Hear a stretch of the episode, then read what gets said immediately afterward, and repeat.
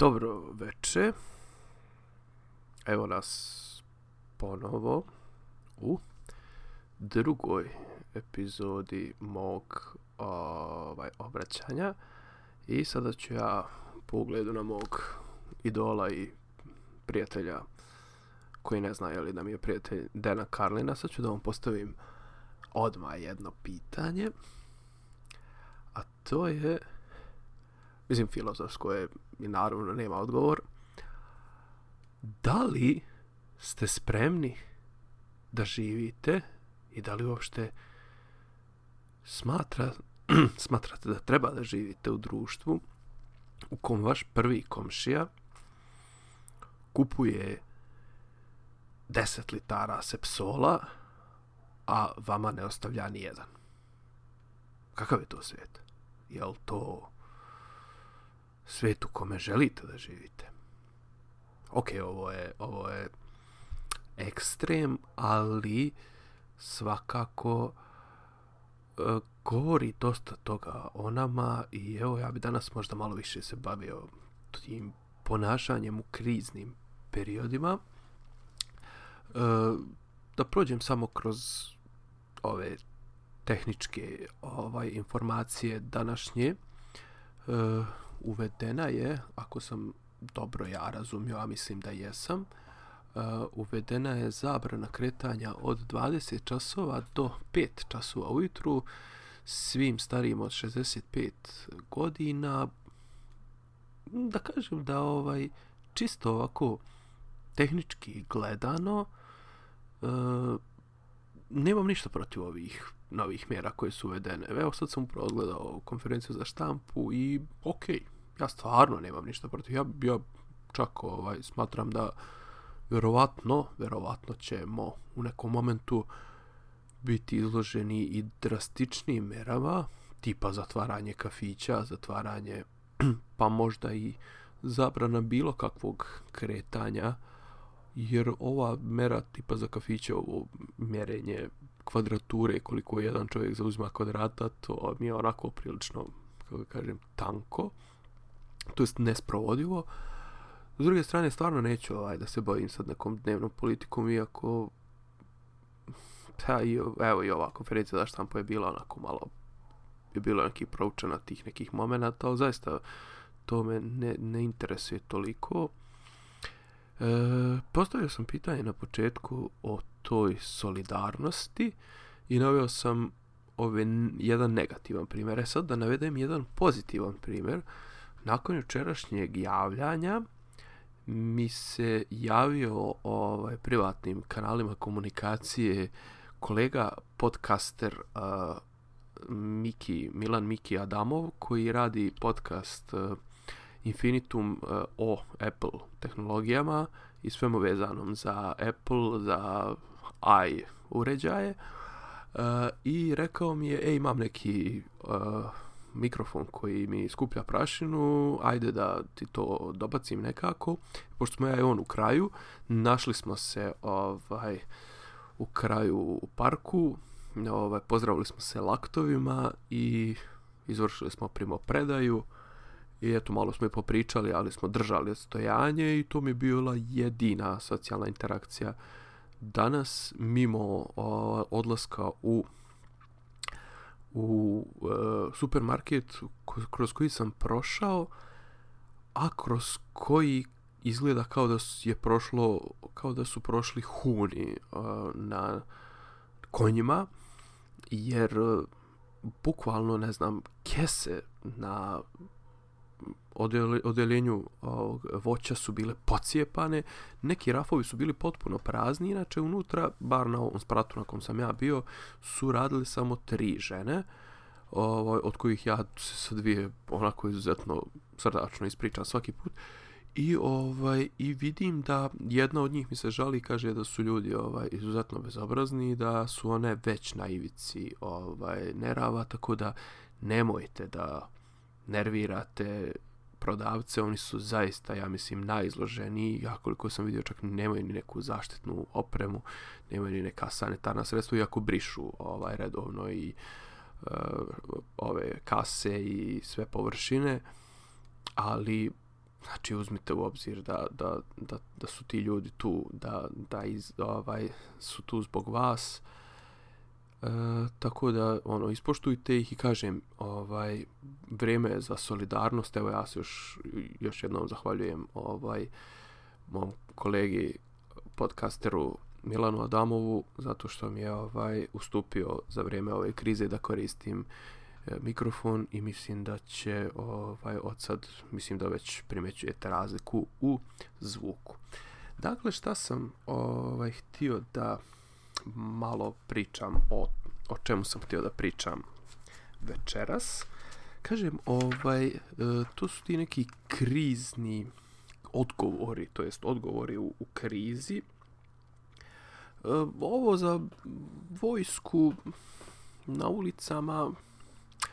pa ne, mislim, nisam, nisam baš onako što bi reklo se, ovaj, nisam baš progutao ova objašnjenja. Kažem, ova slika koja kruži internetom, to je vojska u, u Knezu, a ovo za zaštitu granica, za zaštitu uh, kretanja, za zaštitu objekata, apsolutno podržavam. Ovaj, samo što kažem, ovaj, govorimo sad o toj behavioralnoj strani, ljudi loše reaguju na, na, na, na vojsku, međutim, ovaj, juče sam rekao, možda neki pan, malo, malo podizanje panike nije zgorega, jer mi ovo sada po svim ovim vijestima koje imamo i ovim brojkama koje imamo, mi se zaista, zaista, zaista, reklo bi se, dobro držimo, da smo mi već u kojem 11. 12. danu od pojave ne znam da li, hajde da ne kažem, ali recimo da smo sigurno 7-8 dana smo ovaj, od pojave tog nultog pacijenta i da još uvijek nemamo taj spike, taj, taj skok u, u broju zaraženih i još uvijek nemamo tragičnih slučajeva, što je zaista izvanredna vest i onako jedna stvar koja uliva ovaj povjerenje i ovo što je predsjednik večeras iznio apropo ove pomoći pa ovo, ovo, što su Kinezi obećali što stiže od tamo od subote, ako sam dobro ja razumio, jer ćemo mi to poslati u četvrtak, a oni će se vratiti u subotu, stižu stiže tehnika, stižu ovaj sredstva, stižu stručnjaci. To je bukvalno e, da uporedim to u, u, u terminima iz nauč, ove epske fantastike, to je dolazak Gandalfa i konjice Rohana u Helm's Deep, tako da ovaj to će da bude to će da bude ovaj jedina stvar koja zaista trenutno može da nam onako rastereti i da nas ovako da nam podigne i, i, i moral i da nam zaista pomogne ovo što je predsjednik rekao da ćemo imati problem sa zdra, sa zdravstvenim radnicima mislim da će to biti vjerojatno najveći problem samo se nadamo da, da neće puno kao što se desilo u Hrvatskoj neće puno ovaj e, slučajeva ulaska među zdravstvene radnike virusa da bude i da će ti ljudi biti biti u mogućnosti da izvršavaju svoje obaveze a ja u njih ne sumnjam stvarno mislim ok, u ovim redovnim podcastima ja sam, mi smo znali često da se sprdamo na, na temu, to jest da zamjeramo na uh, zdravstvenom sistemu, ali uvijek je to bilo na temu birokratije, nepotrebne birokratije, ne znam, ali kad dođe stani pani, zaista zategne se situacija i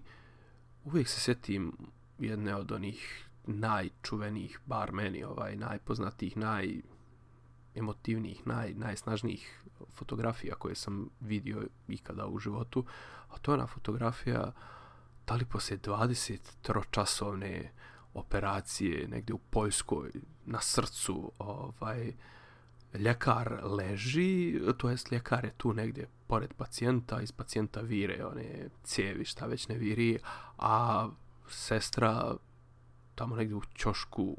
leži onako obamrla od, od umora. Tako da ja zaista smatram da ovaj, ako se bude ovaj, pitalo ono, ako se bude e, došlo do toga da, da li srce odlučuje i ovaj pitanje motivacije, pitanje onako pristupa, mislim da naše zdravstvene radnice da će da odgovore na to. E, htio sam neke, možda čak i neke pozitivne vijesti da vam ovaj iznesem. E sad, među vremenu se izgleda to promijenilo, ali koliko sam shvatio broj uh, stradalih, broj umrlih u Italiji. Italija je u jednom momentu bio manji u nego u odnosu na prethodni dan. Sada je valjda opet izgleda nešto ovaj nešto im bilo ne, ovaj bilo je nekog skoka, ali koliko sam shvatio ovaj e, mm, ajde ti brojevi ne rastu više onakom stravičnom progresijom, mislim da je to jedna dobra stvar. Ovaj, također sam negdje pročitao isto onako par uh, informacija koje mogu malo da podignu duh, a to je da jeli, broj oporavljenih je zaista veliki, e, paralelno se radi na nekoliko mjesta na vakcini. E, dru, o vakcini ću o vakcini ću pričati, ali ne iz ovog antivakserskog, nego čisto sa nekog etičkog ovaj, stanovišta nekad u, u narednim epizodama kad budem pričao malo više o, o etici. Ovaj, e, navod, jeli, pronađena su i antitela za, za ovaj virus, e, e, također, jeli, ovaj, dobre, stižu neke dobre informacije sa, sa različitih mjesta, međutim, ono što sam ja htio malo, ajde, sad ću malo da vam pričam o istoriji. O istoriji, pošto sam, ovaj, kažem, Dan Carlin je izdao knjigu koja se zove uh, The End is Always Near. Dan Carlin je uh, čovjek koji ima svoj podcast uh, Hardcore, His Hardcore History. Ja sam dosta puta pominjao taj podcast u, u, u svojim redovnim podcastima koje radim sa Miljanom u dopisima iz Disneylanda. I on uh, uh, je izbacio, recimo do sad je izbacio negdje 60-ak 60 i nešto epizoda tih velikih epizoda, glavnih epizoda, gdje zaista, ali zaista iza svake epizode stoji enorman, što bi rekli, research, istra, enormna istraživanja i to je čovjek i valjda je rekao, koliko sam vidio, koliko, kako kaže u predgovoru knjige, ovaj, on je odradio, ovaj, ima toliko ideja i toliko istraživanja koje mu stoje, jer tih 60 epizoda je izbacio, pa hajde da vam kažem, ne znam tačno od kad su one prve, ali sigurno nisu svježi od 10 godina. Znači sigurno tih, znači tu su možda on izbacuje, ono, ako izbacuje četiri epizode godišnje, i to je možda radio ranije. Sad izbacuje dvije epizode godišnje. Međutim, šta znači to epizoda? Među vremenu je počeo i neki ovaj, projekat sa strane koji, koji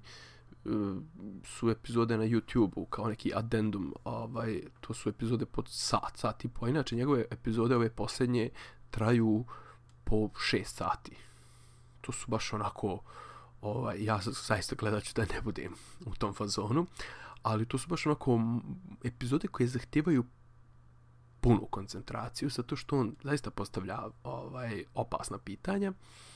E sad, ovaj, ja ću, eto kažem, ovaj, pokušavam sad nešto ovako više nekog dnevničkog tipa da, da malo ovaj, ispratim ovo i da ubijem vreme i sebi i, vama. E, I kažem, posljednjih nekog, on je, on je poznat, ne samo posljednjih nekoliko epizoda, nego on je ovaj, istoričar, ali voli tu, e, voli tu, ima tu sklonost, on je sam to kaže za sebe, ovaj, to da obrađuje te katast, katastrofične događaje, ovaj, događaje koji su vezane za neke katastrofe, ali recimo, ovaj, i sada, ne znam, mislim, posljednje tri epizode koje je izbacio, ajde da kažem, posljednjih godinu i po dana, tretiraju moje, jedno od mojih omiljenih ovaj, tema, to je Japan, i O, ali prije toga neka 50 i neka epizoda je bila ovaj on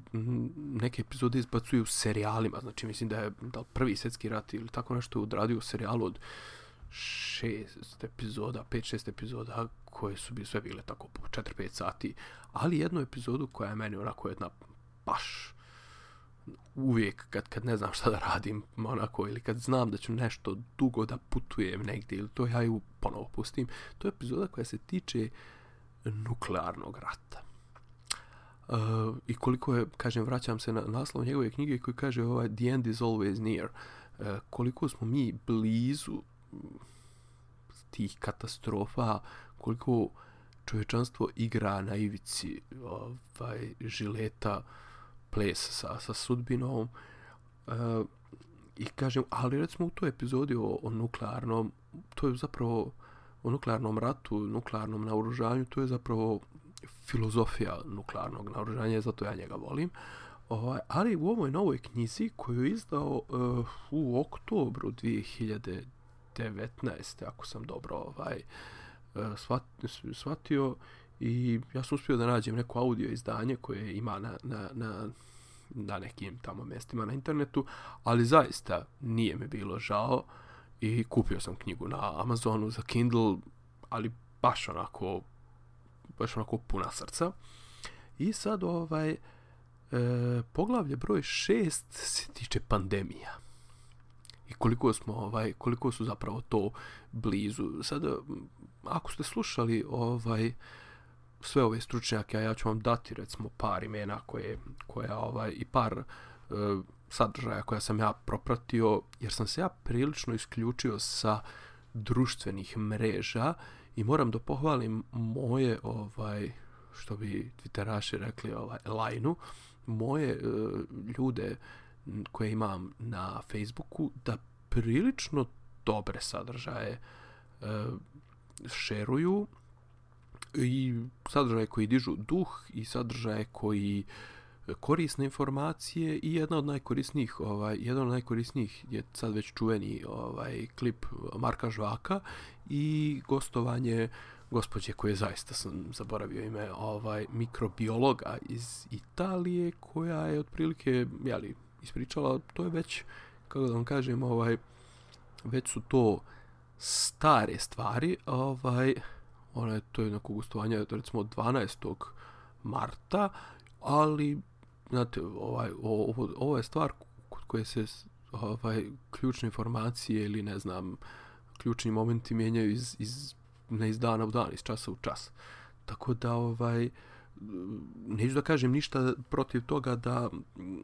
da je žena rekla bilo šta pogrešno, apsolutno je rekla sve što što je trebalo da kaže, samo što u tom trenutku ovaj su sam smo baratali sa drugačijim ciframa i drugačijim kontekstom. Kažem, znači, o, to je jedna od ovaj stvari koje preporučujem. Druga od stvari koju preporučujem jeste da zapratite Igora Rudana, hrvatskog znanstvenika, jeli, čovjeka koji radi u Ujedinjenom kraljestvu, ja sam šerovao neki jedan njegov status, ali on je trenutno piše za večernji list, ima neku dogovorenu saradnju povodom ovog ovaj, povodom ove situacija,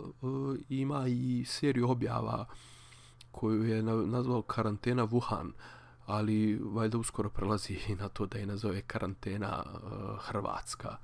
tako da će se ono više tic pošto se vratio u Hrvatsku i sad je ovaj sad je tu da, da, da pomogne.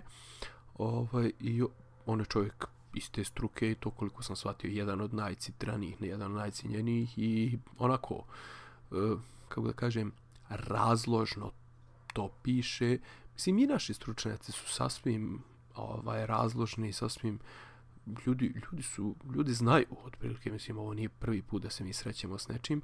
ovaj, s nečim ovakvim, ljudi znaju šta će se dešavati i upozoravaju samo što mi imamo taj problem sa ponašanjem, a to je lako ćemo, ne samo lako ćemo, nego znate kako, ovaj, vraćam se na ono što će ostati kao naj, naj, ja se nadam da će to ostati kao najveći promašaj ove čitave situacije, a to je ovaj, ta, ta epizoda Shopping u Milanu, doktora Nestorovića, znači ako pričate prije 15 dana jednu stvar, druga stvar, ova ljudi koji se pojavljuju na televiziji, neću sad da imenujem, neću da stavljam u neki kontekst, ali koji ne želim da stavim, Ovaj, ali e, ako imate ljude koji konstantno pričaju jedno, a dešava se drugo i konstantno ili preuveličavaju ili ni podaštavaju realne opasnosti ili preuveličavaju ovaj, manje opasnosti, mislim, samo se podsjetite silnih državnih udara, silnih šta nam rade Amerikanci, šta nam ovo ono, jednostavno nemojte onda očekivati da će vas u nekom momentu, čak i kad ste smrtno ozbiljni, ne možete biti dovoljno smrtno ozbiljni kad ste prethodno pravili od muhe slona, ovaj, da će vas ljudi početi shvatati ozbiljno. Međutim, šta, šta, šta, je, šta je pojenta? Ovaj, šta hoću da, da se vratim na ovu istoriju malo, malu, ovaj, mali, malu digresiju i malo, malo podsjećanje. E, imali smo slične e, čovječanstvo se izborilo, ovaj, ovo nije prvi put da se srećemo sa ovakvom situacijom, e, cifre koje smo mi sad, mislim, ne volim da pričamo o ciframa, ali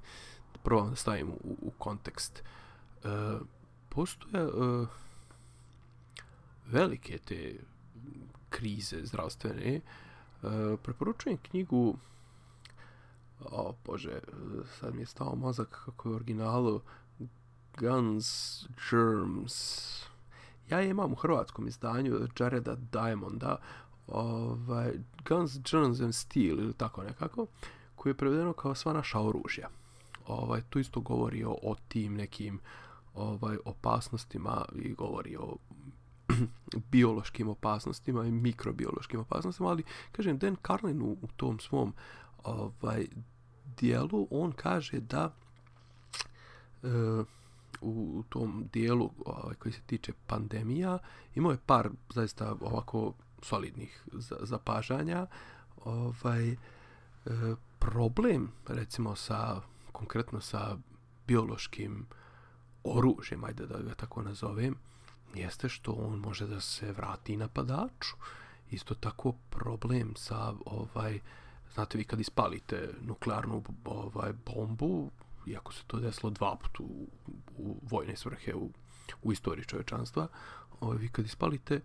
vi ste ok, ubili ste u tom trenutku toliko i toliko ljudi, ostatak ste ovaj ozračili, ko dođe u to područje može da bude ozračen, ali to je to. A vi ste ovdje zapravo kod, kod svih ovih bioloških opasnosti, to se širi.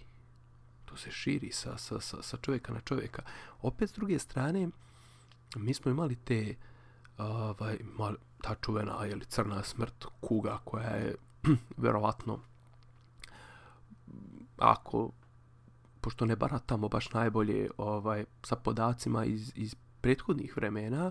ali crna kuga je, kažu, njen bilans je u nekom momentu bio da je prepolovila Evropu.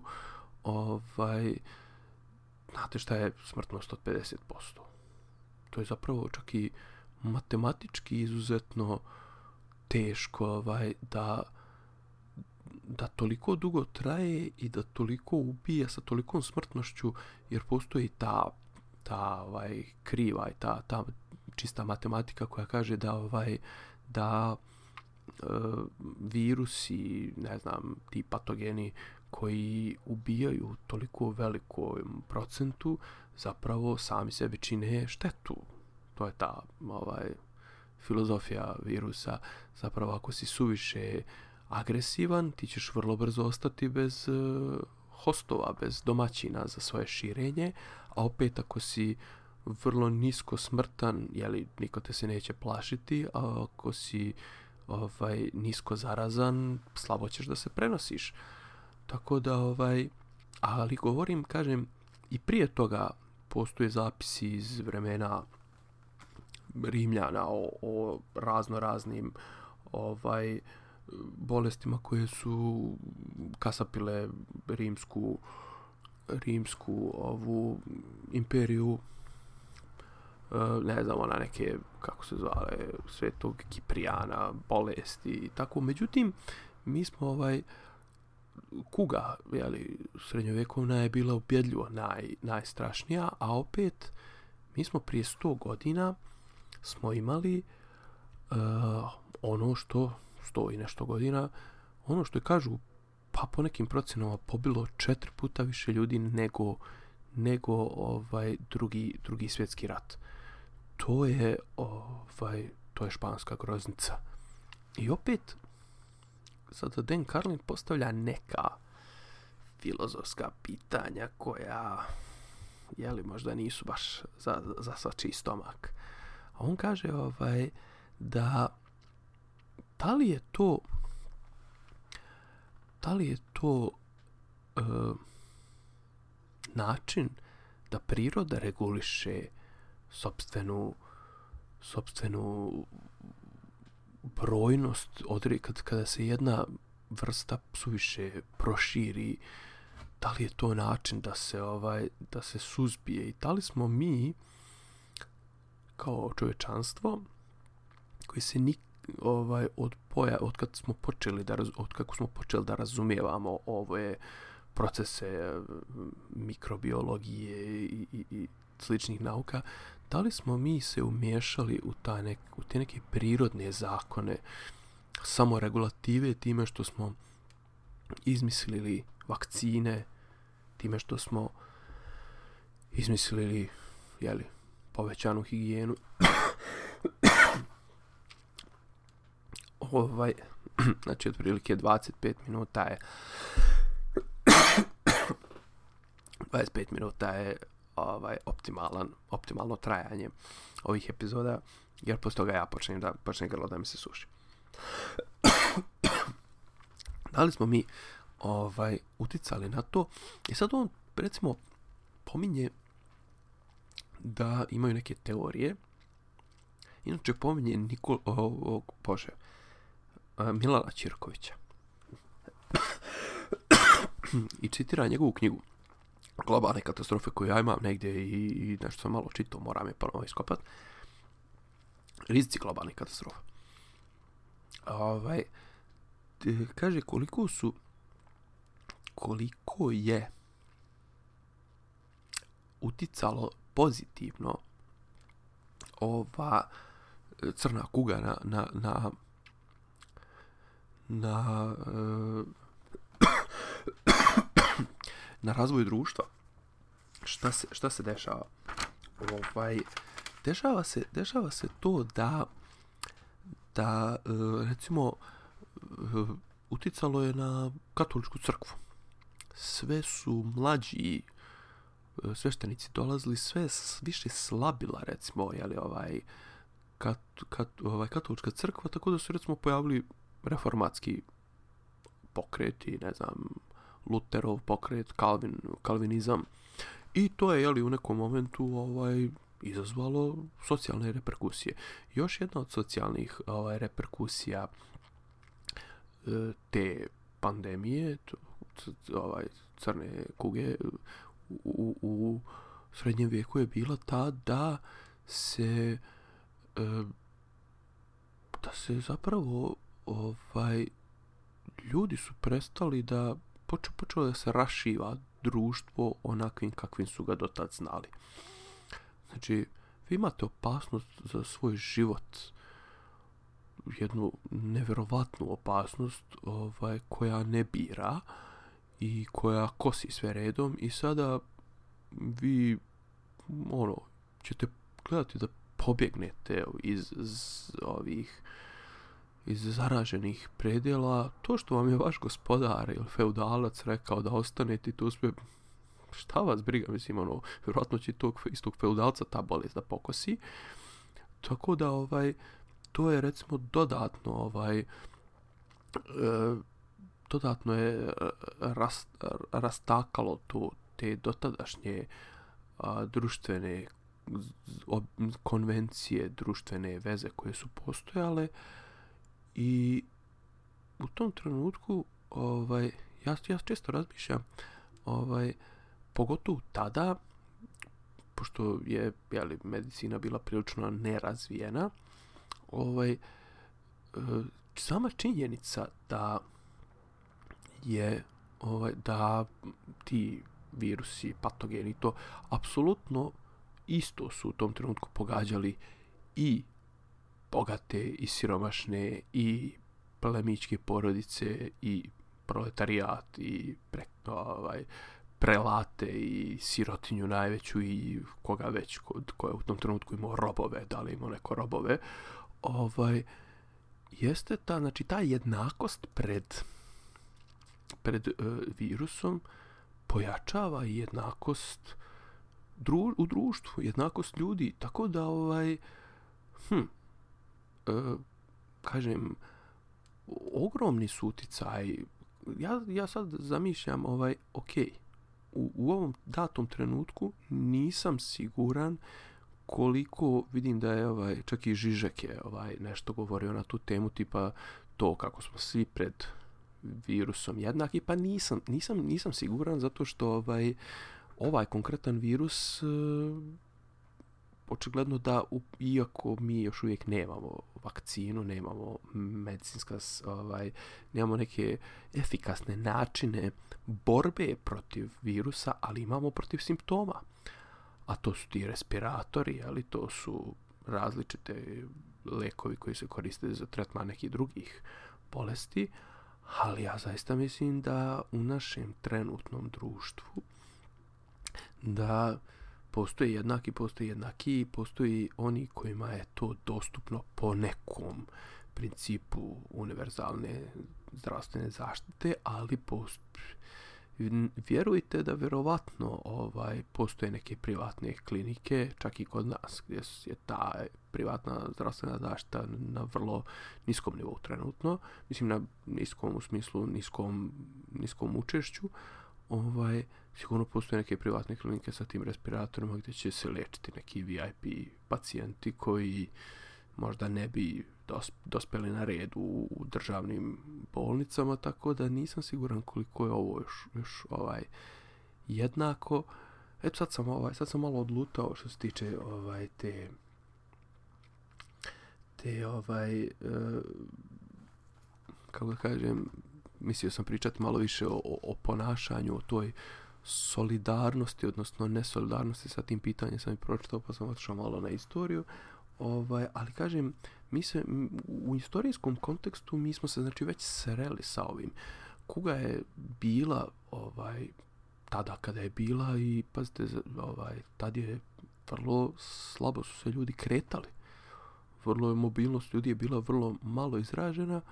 već za vrijeme španske kronice već, već smo imali neke ovaj momente unosa i prenosa na,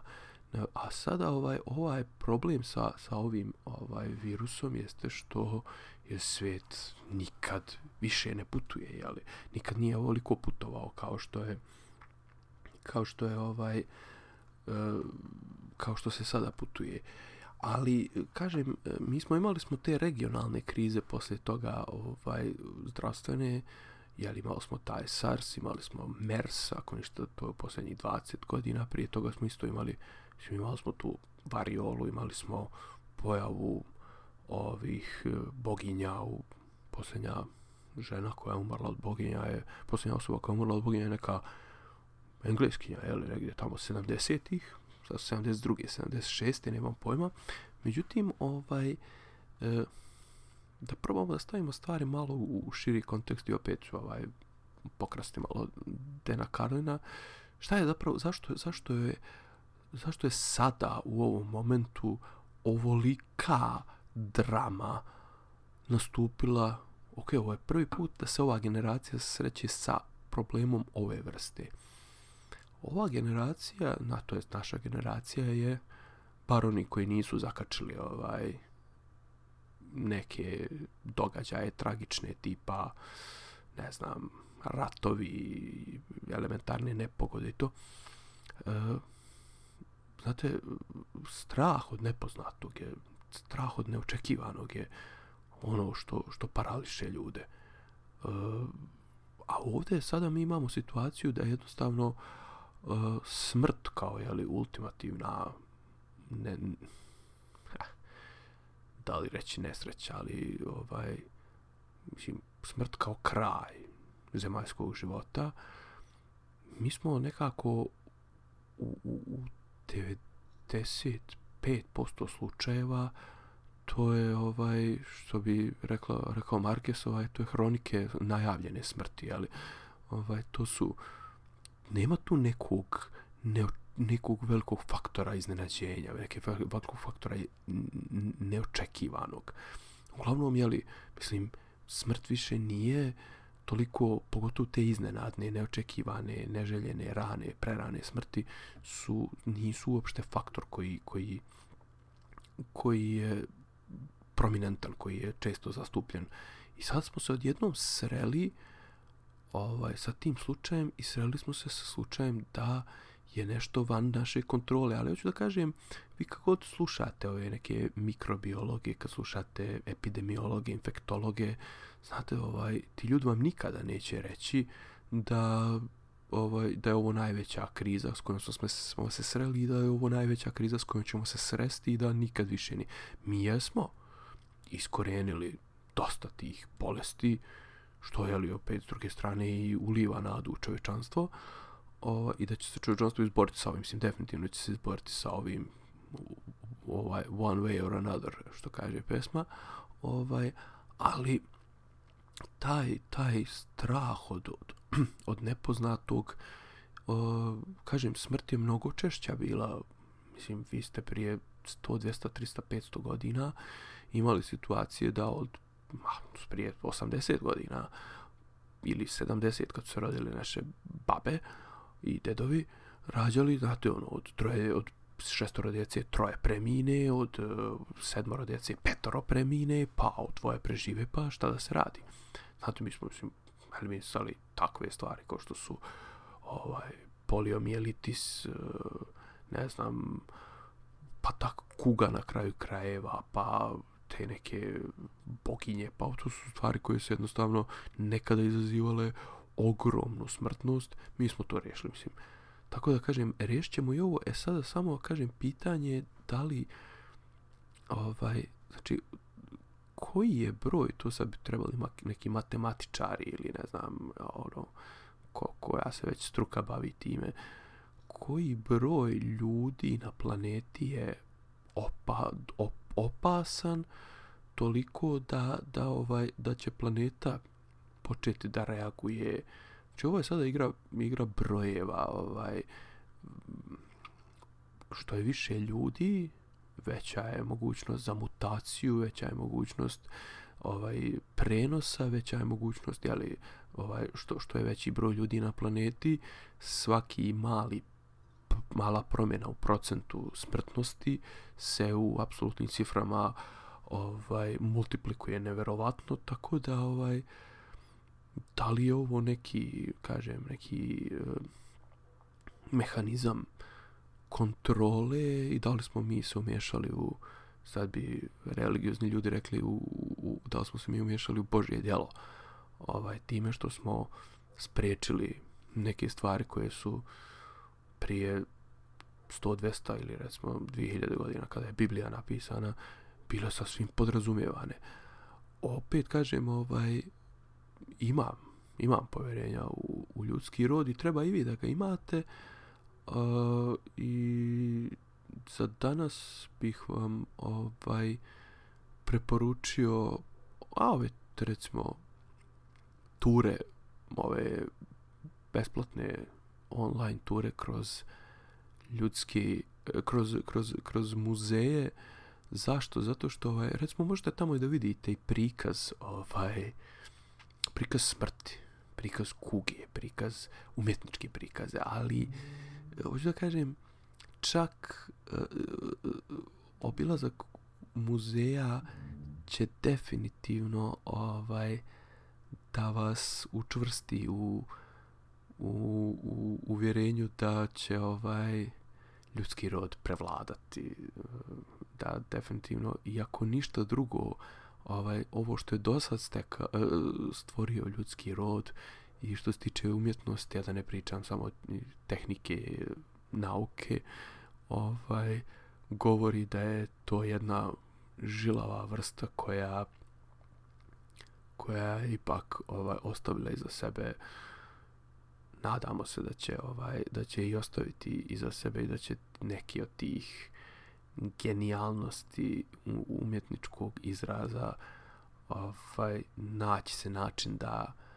se one sačuvaju vo vijeki vijekovi, ako je to, mislim da je to zaista ovaj, nezahvalno za prognozirati, nezahvalno za očekivati, ali ovaj, uživajte u umjetno, umjetničkim delima kao što je recimo, ne znam, Pieta od Michelangela ili kao što su ovaj, Rembrandtova djela ili, ili